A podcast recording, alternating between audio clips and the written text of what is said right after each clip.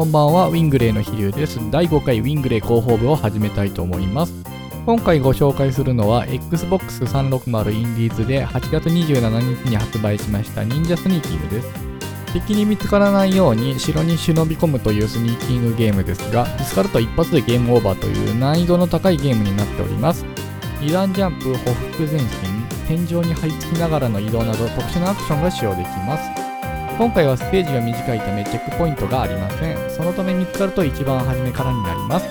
？2階から4階までは到達するとフロアトレーニングのモードで練習できるようになりますので見つかった回を何度も練習してみてください。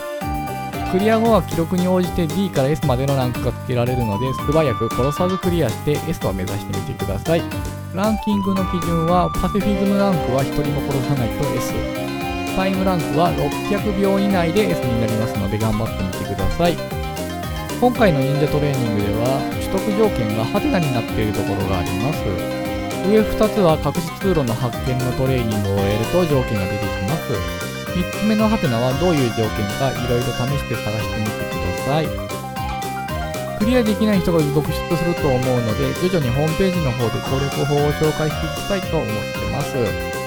ホームページの更新情報や新作の情報は Twitter でお知らせしていますのでご覧になってください。Twitter の ID は winglay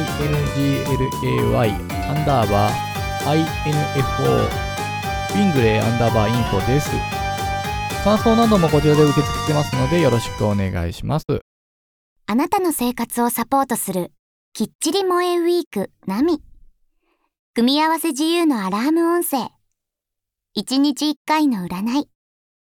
タップしていただければお話もいたします。詳しくはウィングレイのホームページをご覧になってください。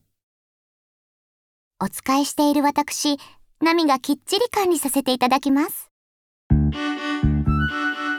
作品の紹介だけではラジオとして短すぎる感じだったので今回から制作状況や裏話などをするコーナーを始めたいと思います。まず最近リリースできていない iPhone 用アプリについて、えー、無料アプリを出す予定だったんですけど、予